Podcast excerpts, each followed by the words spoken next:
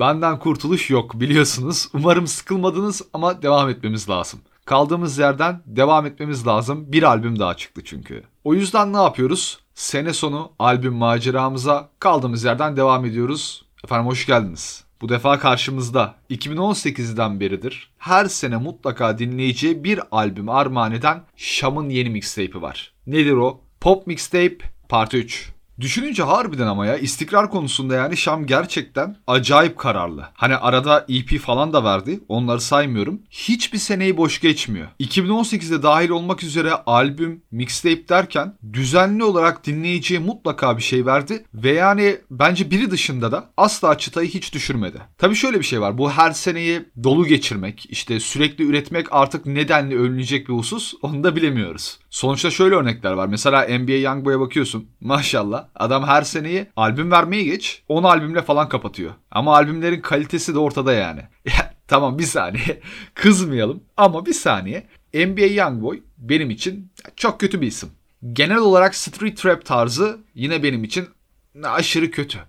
Bana pek çok noktada hatta neyi hatırlatıyor biliyor musunuz? Bizlerde hani bir dönem ne bileyim Elleren Elvis'ler, e, Stalker'lar falan vardı ya. Bilmiyorum bana onu hatırlatıyor. Yani o estetikten yoksunluk, o sürekli boş üretim, çıkan şarkıların neyse dinleyen kitle falan diyeceğim de kötü geliyor bana. Ama istikrarda önemli olan dedim ya üretmek lakin çıtayı düşürmemek. Üretip insanları işte sıkmaya başlamamak. Ve Şam bunu yapıyor. Şam gerçekten hem üretiyor, düzenli olarak üretiyor hem de insanları hiç sıkmıyor, soğutmuyor. İstikrar konusunda yani Şam benim Türkçe rapte en çok takdir ettiğim isimlerden bir tanesi. Şimdi Şam bizlere sene sonu listelerimizi bekletmemizi söyleyerek bu sene zaten mixtape'ini salacağını söylemişti değil mi? Haberdar etmişti. Hatırlarsanız e, benim attığım bir tweetin altına bunu yazmıştı. Niye benim attığım tweet diye bunu ekstra belirtiyorum? Çünkü adam geldi dedi ki sene sonu listelerinizi bekletin. Yani mixtape çıkacak. Sonra ben ne yaptım?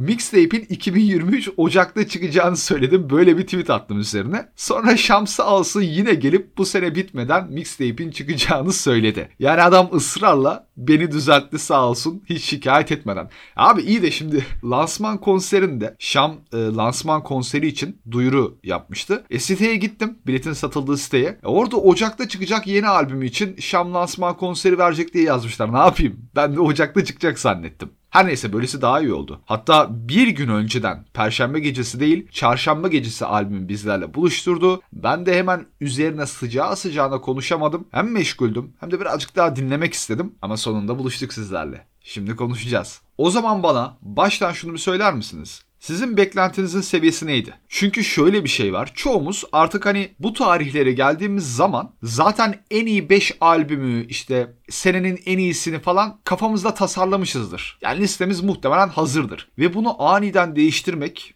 bir albümle senenin bitmesine bir hafta kala aniden değiştirmek zor bir durum. Şam'ın birazcık böyle bir iddiası vardı. Sizce bunu başardı mı? Sizin beklentiniz neydi? Beklentinizi karşıladı mı? Ben tabii ki de podcast'in ilerleyen kısmında bunun cevabını kendim için aramaya çalışacağım. Kişisel yorumumu belirteceğim ve hani albüm of the year geldi mi? Şam senenin sonunda bunu bize verdi mi? Kendimce söyleyeceğim. Yalnız bizlerin Şam için bir beklentide olması sanırım şu an Türkçe rap için en normal durumlardan bir tanesi.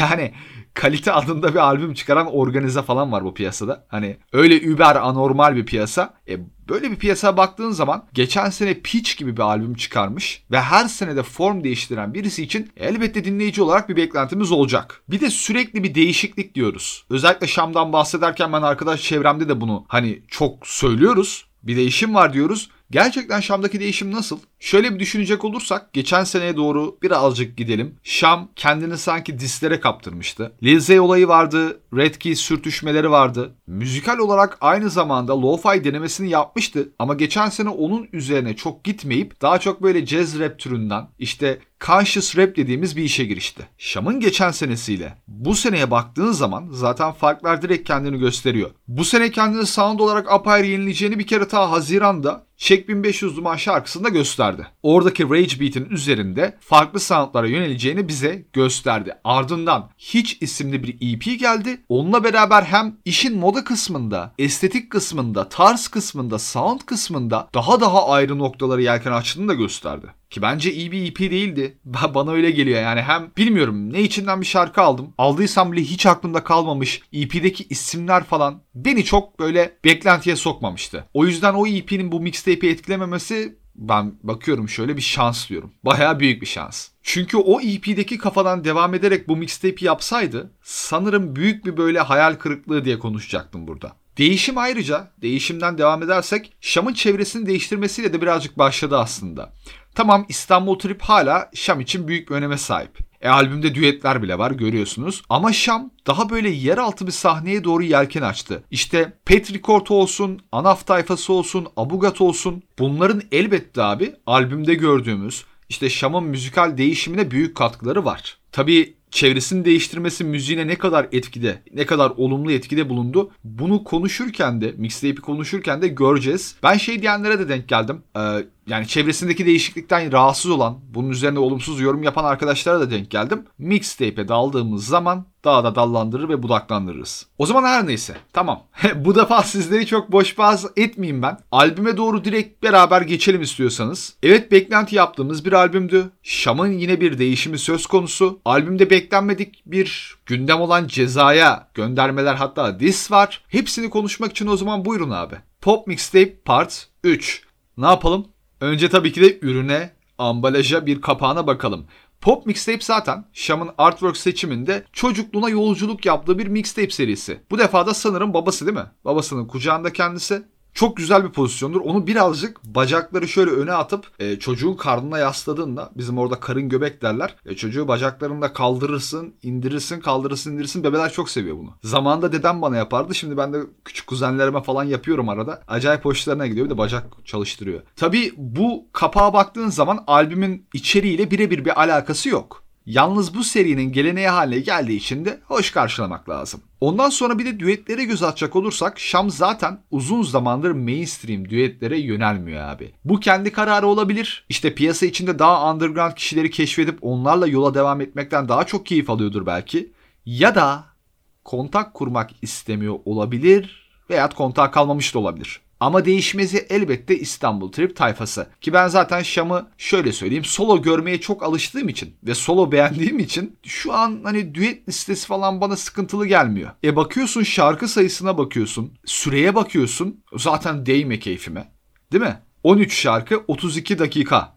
D3 Turan, Heja ve İksir düetleri var. Prodüktörlere bakıyorsun çok çeşitli bir liste. Benim hemen hemen daha önce hiç duymadığım isimlerle dolu. Yani sadece birkaç tanesi benim bildiğim isimler. Onlar da Akça ve İksir. Onun dışında Cihan, Sankey, Genzo, e, Adem Ferit ve birkaç böyle daha duymadığım isimler vardı. Yalnız Şam'a bu konuda hakkını hemen albümün de hakkını hemen verelim. Albümün ilk süper noktası prodüksiyon abi. Şam bu konuda çok iyi gidiyor. Şam iyi beatler seçiyor. Bunu da yani iyi beatleri almak için mainstream'de adı bilinmiş, işte çevresi ismi geniş isimleri kovalamakla yapmıyor. Böyle daha keşfedilmemiş, daha kendi halinde, daha underground veya belki de rap dışında takılan isimleri keşfederek onlarla beraber çalışarak yapıyor bu benim için başarı. Bir kere albümün prodüksiyonu bayağı güçlü. Özellikle birkaç şarkıda şarkıları incelemeye başlarken konuşuruz. Çok güzel rütuşlar var. Şimdi albüm çıkarken sanırım ufak bir hata oldu. Seçilmişim mi ilk şarkı yoksa kol saati mi belli değildi çünkü iki farklı trackliste sahip mixtape olarak yüklendi. Tabii bir mixtape'de ya yani mixtape ile albüm arasında bir farktır bu. Mixtape'de tracklist sekansı o kadar çok önemli olmayabilir. Şarkıların gidişatına belki hani o kadar çok odaklanmazsın. Çünkü bakıyorsun seçilmişim de intro şarkısı gibi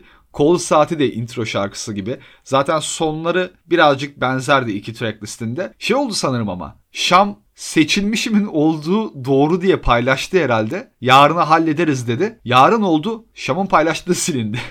Öyle bir şey oldu sanırım. O yüzden tracklist sekansında da yayında ufak bir sıkıntı oldu ama mixtape olduğu için halı altına alınabilir, süpürülebilir. Albüm için benim dikkatimi çeken ve ilk söylemek istediğim şey sanırım Şam'ın en buhranlı zamanlarını gösteriyor bu. Tamam psikoz dönemi falan bunlar bir kenara ama albüme yansıyan üzüntü, işte e, varoluşsal kriz, varoluşsal kriz. Ne kadar cins tanım değil mi? Birazcık boku çıkan bir tanım. Yalnız size şunu diyeceğim bak. Bazı şarkıları dinlerken mixtape'te içiniz daralır gibi oldu mu? Kötü anlamda değil. Şöyle düşün. Beat bir yandan zaten vuruyor. Şam hiç durmadan verse'üne başlayıp derdo sözleri böyle dize dize uzunca bir verse okuyor. Oradaki o gerilim, orada o hani sanki kapalı bir alana kısılmışsın gibi öyle bir his. İşte bundan bahsediyorum abi o kriz anı benim kafamda en azından öyle oldu. Albümün içinde derdoluk vesaire hat safhada. Özellikle ilk dört şarkıda ki insan bazen diyor bu bir yardım çağrısı mı? Sadece sözlerden dolayı derdoluk yok. Dedim yani okuyuşta, flow'un akışında hepsinde bir gerilim yaşatıyor. Bak şöyle bir şey var ya. Ölüm orucunun sonunda o şarkının sonunda birazcık mumble'a dönüyor değil mi? Okuyuşu mırıldanmaya dönüyor sanki. Şarkının başında öyle bir mücadeleye girişmiş ki artık sonda tükenmiş gibi. Nefesi kalmamış gibi. Bunu Şam neyi düşün, nasıl düşünerek yaptı bilmiyorum. Sadece böyle bir teknik olarak mı yaptı hani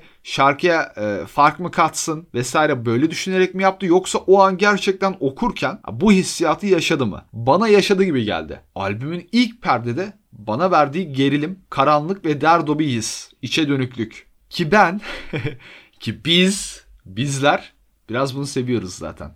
Değil mi? Geçen sene olması lazım. YouTube kanalında işte o topluluk kısmı geldi. Ya ben de bu oraya yazayım dedim yani. Hep e, çeviri falan paylaşıyorum oradan. Ya da istek çeviri alıyorum. Anket falan yapıyordum. Bir de şey yazayım dedim. Ya nasılsınız? Hani sıkıntı var mı? Keyfiniz falan nasıl? Birazcık muhabbet edelim. Ya oraya yani 100 150 yorum falan gelmiştir. Hiç beklemiyordum. Ve o yorumları okuduktan sonra dedim ki tamam Türkiye'de rap dinleyen en derdo kitle bendeymiş. Yani hem o yorumları okurken içim daralmıştı hem de kendimi arkadaş ortamında hissetmiştim. Çünkü dertler birazcık aynı. Her neyse, derdo severler olarak. Buna rağmen ama albümün genel bir atmosferini böyle şöyle diyeyim daha doğrusu. Albümde genel olarak o karanlık, derdo atmosferi direkt örtmeyen birkaç şarkı da var. Daha mellow parçalar var sondakiler gibi. Sakin okuyuşlar veyahut plak tarzında Memphis Beat üstüne yapılmış eğlenceli şarkılar da var. Şam'ın diğer albümlerine göre en farklı yanlarından birisi de zaten mixtape'de burada yatıyor. Şam bence albümü tarz olarak güzel parçalamış abi. İşte Derdoluk bir kısımda var. Pure rap var. Agresif okuyuşlar var. Dediğim gibi eğlenceli ve sakin parçaları da iç içe güzel geçirmiş yani. Ya şimdi bir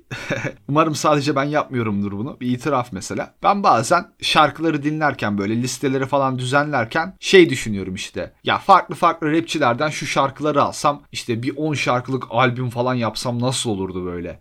Hani işte şundan şu şarkıyı alıyorum, şundan bu şarkıyı 10 şarkılık böyle intro falan koyuyorum mesela birinden alıp. O şekil kafamda bazen çok sıkıldığımda hayal ürünü bir şeyler oluşturuyorum. Ve orada hep şunu düşünürüm. Şimdi albümü yapıyorsun. Mesela Derdo şarkı koydun. Abi hemen sonrasında da böyle çok agresif rap şarkısı olmasa birazcık daha chill bir şarkıyla o gidişatı sağlasan ya da çok o an dinlediğim eğlenceli bir şarkı var. Onu da albüme koymak istiyorum o playlistin içine. Ya çok sırıtır mı acaba diye düşünmek albüm içinde farklı ruh hallerini böyle taşıtmanın ne kadar zorlu olduğunu bana gösteriyor. Şam'ı tebrik edeceğim kısımlardan bir tanesi bunu sırıtmadan yapmış olması. Sırıtmıyor albüm içinde. Yani albümde Şam ölüyorum bitiyorum yardım çağrısı yapıyor. Ondan sonra arabanın arka koltukları dar eve geçelim diye bir nakarat geliyor ama sırıtmıyor. Evet albümü dinlerken baştan sona hani o kontrastı görmüyorsun. Bu bir başarı. Ama madem başarı saydık hemen hemen bir tane de ufak bir eleştiri ekleyeyim yanına. Albümün 5 şarkısı 1,5 ay içinde single olarak verildi. Biraz sanki büyüyü bozdu bu. Birazcık bana öyle geldi. Ya Allah'tan Şam hani bir maxi single daha salıp böyle Joyner Lucas'a falan dönüşmedi ama yine de hani o 5 şarkının verilmesi şundan dolayı büyüyü bozdu. Albümün her türünün ayrıntısını zaten Şam vermiş oldu. Tamam bu beklenti yaratma konusunda bizi uyardı birazcık uyarıcı oldu. Ama keşke biraz böyle gizem de içine serpseydi. Çünkü çıkan single'lara bakıyorsun Derdo şarkıları da gördük. Pure Rap yaptığı bastırdığı şarkıyı da gördük. Eğlenceli dediğimiz şarkıları da gördük. E hepsini zaten her tadı, albümün içindeki her tadı albüm çıkmadan aldık. Bir de zaten bir tık böyle en iyi işler single'lardaymış gibi bir muhabbet de olabilir. Çünkü yayınladığı single'lar güçlüydü gerçekten. Hemen bunu da aklıma gelmişken söylemek istedim ufak bir eleştiri. Şimdi değişim konusuna tekrardan bir gelelim sizlerle. Bizler e, değişimden bahsetsek de şu noktaya aslında es geçmemek lazım. Şam kendi kimliğini değiştirmeden çeşitli sound ve tarzlara uyum sağlayabilen bir isim abi. O yüzden insanları işte çevresini değiştirsin, böyle olmamış eskiye dönmeli tarzı yorumları bence bir noktada hatalı. Çünkü Şam hala aynı Şam abi. Tamam kimlik konusunda net özgün Şam budur diyebileceğimiz bir tarzdan böyle yürümüyor. Ama yine de temelinde Şam'ın bazı kriterleri var. Şam'ın bazı seviyesi var. Bizim sevdiğimiz bir seviyeye sahip. O seviyeden ödün vermiyor. Tabi dinleyicilerin bu bocalamaya gitmesinin bir sebebi var. Yani her ne kadar haksızlar desem de insanlar muhtemelen Şam'dan ne bekleyeceğini artık çözemez oldu. Ki ben de mesela sırada ne yapacak diye tahmin edemiyorum hiç. Bu başta hoş bir özellik gibi gözükebilir ama Şam'ı değerlendirmek için biraz da kendini işte belli başlı tarzlarda göstermesi lazım.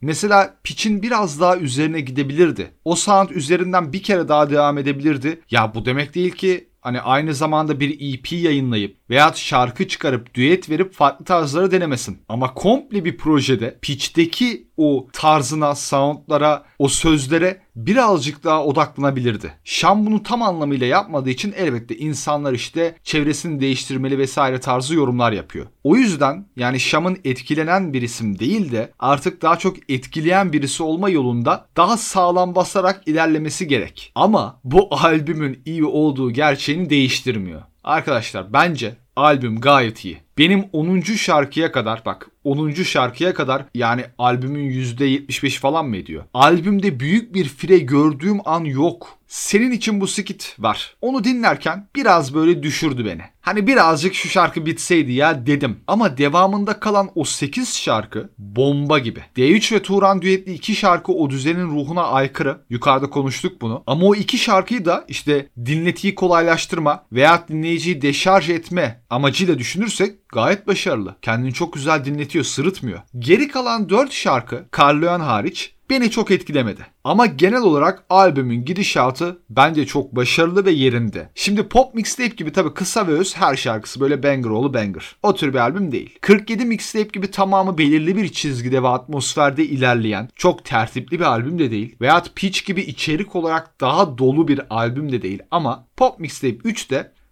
bu arada Pop Mixtape 2'yi niye saymadım? Çünkü o çok ya, vasat bir albümdü. Pop Mixtape 3'ün de kendine göre öne çıkan ve başardığı işler var. Yeni bir yüz gösterme konusunda başarılı, derdo ve öfke patlaması konusunda başarılı. Bu sene bize böyle biraz farklı tatlar göstermesi konusunda da başarılı. Ayrıca Şam'ın söz yazımında farklı soundlara kendini geçirdiğinde bile buradan ödün vermemesi konusunda da bunu bize göstermesiyle tekrardan yine başarılı bulduğum bir albüm veya mixtape. Ama ama şimdi geldik. Album of the Year olacak kadar içimde büyüyecek bir albüm bence değil. Benim için senenin albümü hala aynı. Ve bu albüm e, o konuda fikrimi değiştirmedi. Ha sene için ilk beşime alır mıyım? Ya bilemiyorum alabilirim belki. Lakin beni böyle baştan aşağıya büyüleyen bir albüm klasmanında da böyle çok duran bir albüm değil. Ha dinledikçe belki daha çok severim belki puanım değişebilir. Ama sanmıyorum ki senenin en iyisi diyerek bu noktada seneyi kapatsın. Ya dediğim gibi içinde 4 tane falan benim pek böyle ilgimi çekmeyen şarkılar var. Biraz albüm böyle dinlerken beni düşüren şarkılar var. Şam'ın deney merkezi gibi duran bazı kısımlar da var. Bunların çoğunda tamam başarılı. Bazı kısımlarda kulağa henüz böyle daha deniyor gibi geliyor. Ama Şam'ın Şam olduğu işte kendi kimliğini özgün olarak gösterdiği bak. Kimliğini göstermek tamam ama kendi kimliğini Şam'ı özgün olarak belli bir tarzın erbabı olarak gösterdiği bütüncül bir albüm değil. Sonlara doğru gelirken de benim Şam'a özel olarak birkaç konuda bir teşekkürüm var. Ben şunu söylemek istiyorum en başta. Hem 47 mixtape olsun hem Pitch albümünde olsun ve özellikle bu albümle beraber işte beni kim dinler, ne kadar dinler, ne yapmam lazım diye düşünmeden üretmesi ya özel bir durum. Şimdi Şam bilinen bir isim. Şam çok gündem olmuş da bir isim. Yaptığı işlerin hani piyasada bir karşılığı olan, buradan para kazanan ve New School'u düşündüğümüz zaman da gerçekten çoğu kişinin motiveyle beraber saydığı bir isim. Yani gözler üzerinde. Yalnız buna rağmen işte daha çok dinlenmek için ne yapmalıyım, ne etmeliyim tarzında düşünmediği o kadar bariz ki hani şu albümde onu gösteriyor. Şam bu şekilde devam edecek. Ona da eminim ben. Çünkü karakteri öyle muhtemelen. Ya karakteri öyle olmasa 2-3 senedir bu şekilde devam etmezdi diye düşünüyorum. Seneye de aynı kafayla bir şey ürettiği zaman ki muhtemelen üretecek hiçbir seneyi boş geçmiyor kaç 2018'den beridir. O zaman da göreceğiz ne yapacak. Yalnız benim tek isteğim e, artık bir bütüncül albüm şöyle Şam'ın tam kimliğini gerçekten gördüğümüz bir albümle gelirse muhtemelen daha mutlu olurum. Yalnız konuşmak istediğim birkaç şarkı var. Dört tane bir şarkı. Onlara da bir bakalım. Ee, önceden podcastlerde birazcık single'lardan falan bahsetmiştik. O yüzden bir dört şarkı daha var. Onları konuştuktan sonra zaten kaparız yani. O zaman Kol Saati albümün giriş parçası. Bir kere burada abi beat çok isabetli. Detaylarından bunu anlarsınız. Hatta başta nakaratı okurken giriyor ya şarkıya. Ve verse'e başladığı an beat'in tınısının artmasından bile bu detayı anlıyorsun. Başarılı bir beat. Yaşamasam da olur, yaşatmak da mı yetmez. İlk verse'ün kapanış kısmına doğru yaklaşırken ayakta zor duruyordum sen savaşmamı istedin lafı. Ve özellikle buradaki okuyuşu. Hani dedim ya ilk girdiğimde podcast'te söylemiştim bazen mırıldanmaya dönüyor sanki nefesi yetmiyormuş gibi okuyor. Ben Şam'ın böyle derdo, agresif derdo şarkılarda bu şekilde okuyuşunu çok seviyorum. Sesin titremesi, mırıldıya dönmesi güzel detaylar bunlar. Şarkının en başından sonuna kadar devam eden o agresiflik, o gerilim ve derdo seviyesi de zaten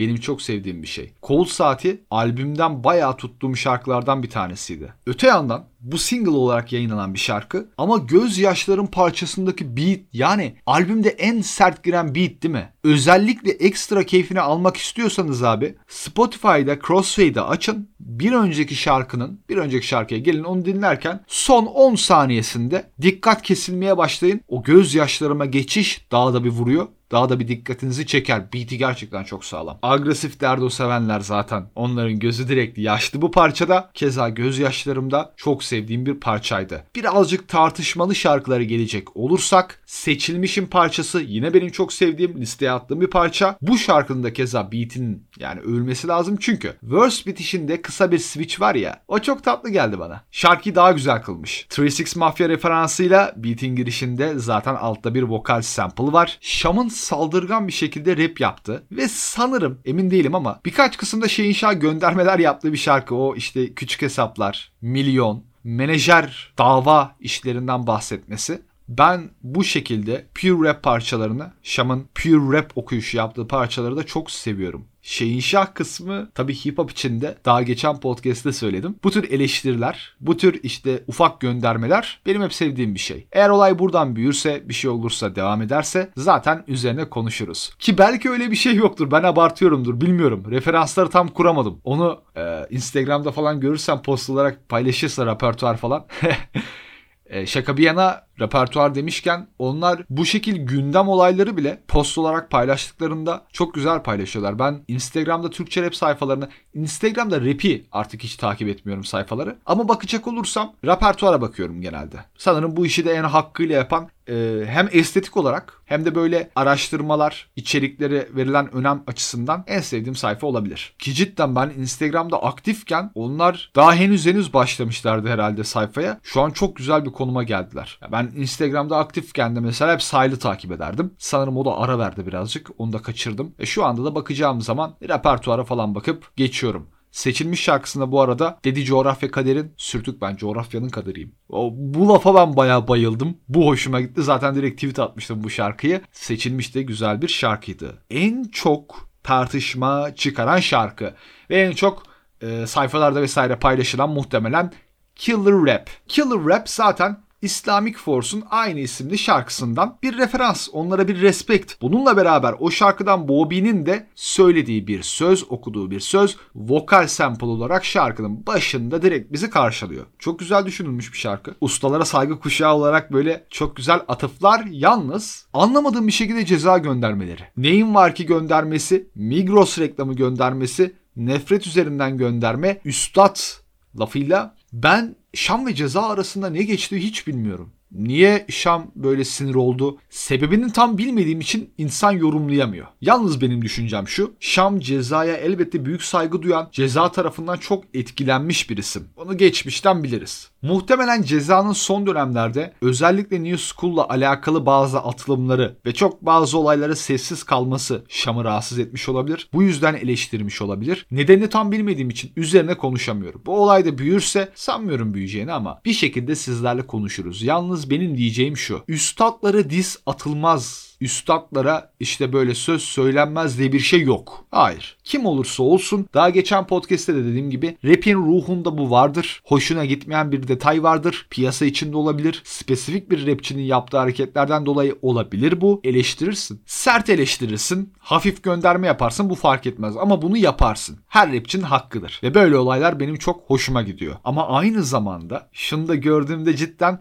biraz üzüldüm açıkçası. Nedenini biliyorum. Çok üzülmemem lazım ama biraz üzüldüm. Nedeni artık cezanın son zamanlarda üretim açısından iyice piyasadan elini çekmesiyle genç jenerasyon arasındaki bağı çok koparması. Yani bundan Ceza'nın son dönem podcastini bahsederken zaten söyledim. Eğer sen yeni bir şeyler yapmıyorsan hala insanların karşısına çıkmıyorsan e bu gençler de hani durduk yere aa ceza diye bir rapçi varmış bakayım eski işlerini bir dinleyeyim demez çoğu. Tamam denmesi güzel bir olay ama çoğu demez. Ama Şam ceza balonunu söndürdü. Ceza zaten abartılan bir isimdir. İşte iyi oldu tarzında yorumlar. Oo.